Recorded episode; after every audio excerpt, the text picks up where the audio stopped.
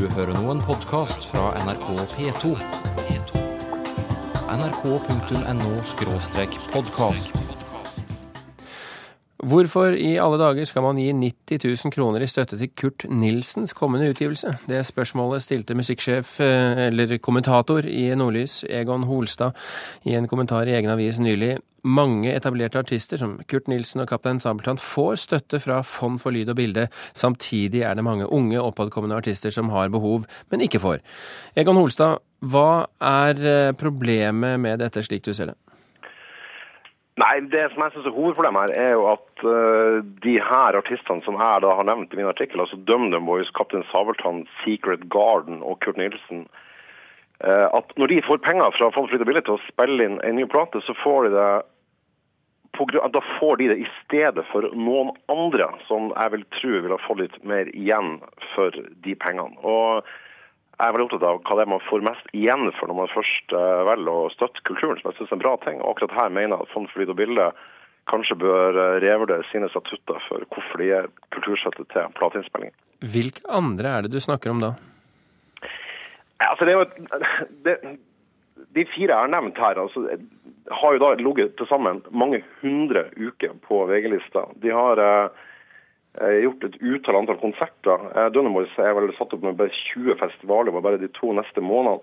Kurt Nilsen er en mangemillionær som vasser i penger som følge av både platesalg og, toneinntekter. Og hvis de da i tillegg får ytterligere penger fra Fond Flyd og Bilde, så syns jeg det er på en måte å gi altså en slags omvendt Robin Hood-politikk, der man gir til de som har mye, og tar fra de som har veldig lite. Og da tenker jeg på det havet og den underskogen vi har av norske band, der f.eks. 90 000 kunne utgjort en helt enormt stor mengde forskjell, i motsetning til hva det gjør for Kurt Nilsen, som da knapt vil merke 90 000 på, på kontoen sin. Men eh, Fond for lyd og bilde, altså tidligere Kassettavgiftsfondet, har jo alltid omfordelt midler fra plateartister til plateartister. Burde de ikke gjøre det lenger, da? Nei, jeg mener på tide å revurdere det her. Altså, eh, det, det, som forundrer meg, er jo, er jo at altså det er jo en viss mengde penger. Det er jo ikke ei bøtte uten bunn. det her. Og Når man da gir penger til noen som allerede har masse, så går det på, på bekostning av de som har mindre.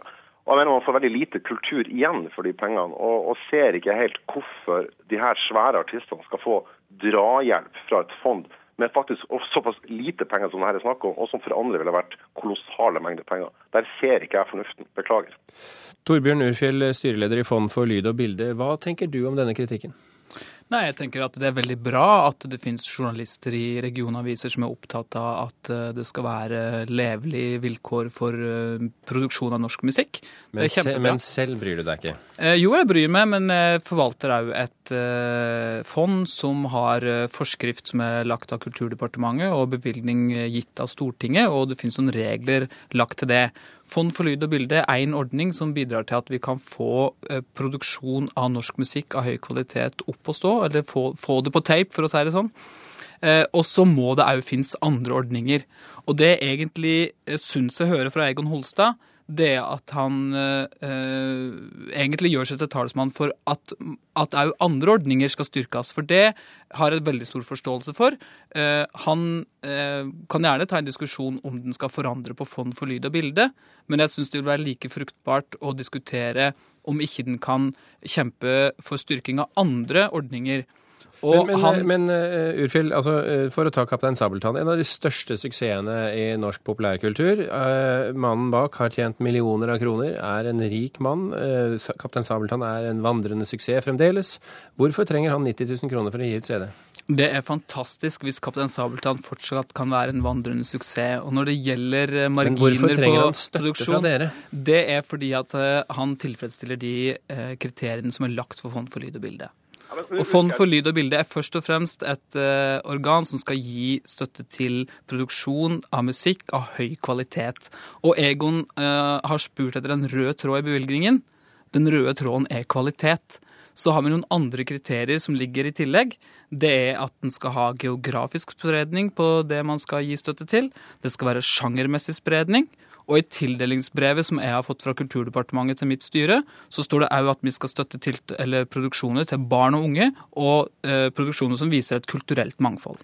Du, du, har jo, du har jo eh, fronta eh, tidligere både Sosialistisk Ungdom og, og Sosialistisk Venstreparti. Parti, og, har også, så jobba i FN, så du har jobba i FN-sambandet nå, så vidt jeg vet. Eh, og Du er jo da, vil jeg anta, rett, opptatt av en slags sånn rettferdig fordeling av godene. Det som skjer her, som ordninga er nå, det er at dere gir penger til folk som knapt merker det på kontoen sin, mens det da går på bekostning til de som har lite fra før. Det er som å gi Jon Fredriksen penger til nye tau på tankbåtene sine, mens man lar være å gi penger til småbåtfestivalen på, på Veiholmen. Eller at FN skulle gi noen millioner i bygging av, av sangtangsbål til Norge, i stedet for å bygge skoler og flyktningleirer på, på Afrikas Horn. Jeg ser liksom ikke at det er en rettferdig kulturpolitikk. Og, og der savner jeg eh, en kanskje ny gjennomgang av hvilke kriterier Fond for lyd og bilde skal bruke når de fordeler en ganske klekkelig sum med penger til Kultur-Norge. Men den- Den, den diskusjonen den er jo helt grei å ta. Den er ikke min oppgave som styreleder i Fond for lyd og bilde å ta, for at jeg forholder meg til det, de forskriftene som ligger der, og de, de, nettopp den ordningen som jeg prøver å beskrive. En ordning som i stor grad eh, prioriterer etablerte artister. Det har en historikk i forhold til Kassettavgiftsfondet, og at det òg har en historikk der det handler om å kompensere for lovlig kopiering av musikk. Så Vi verden forandra seg eh, litt. Vi har med oss Ib Thomsen, eh, som sitter i kulturkomiteen på Stortinget, og er eh, da i prinsippet de som lager lover. Syns du på bakgrunn av det du hører her, at støtteordningen til utgivelse av album fungerer optimalt? Nei, ikke når jeg hører det jeg hører. Eh, Og når man henviser til kvalitet, man henviser til forskrifter, så tror jeg faktisk at det er musikere i dag som innehar kvalitet, men som ikke selger så mye som de gjør, fordi at de ikke har dette managementet og apparatet rundt seg som Carlsen. Så Carlsen, eh, manager Carlsen smiler nok i dag. Så jeg skulle jo ønske at eh, man Ja, mener du at dette handler om evnen til å søke penger? Ja, eller at man har en fot innenfor, eller man har et navn. Tenk hvis man kunne løftet fram garasjeband eller gutteromsmusikere. Det må jo ha vært mye bedre og en god tanke. Hvor er solidar solidaritetstanken innenfor musikkverden når, når man gir disse som selger millioner, men disse som aldri når fram og kommer opp, eh, ikke får noen verdens ting. Så, så denne klippekortmentaliteten syns jeg eh, man bør komme bort fra. Og så bør man jo se på kriteriene. Kanskje man kan tolke dem annerledes. Det er Men ikke er sikkert de er det- artistene som selger for millioner, bør ha denne støtten. Jeg, er jeg tror min- også Ja, det ikke det? Det, det er ikke min Thomsen. oppgave å lage politikken, det skal Ib Thomsen Ja, gjøre. da, eh, men, men Thomsen, eh, ser du for deg at eh, det er interessant for politikerne å endre grunnlaget for tildelingene her?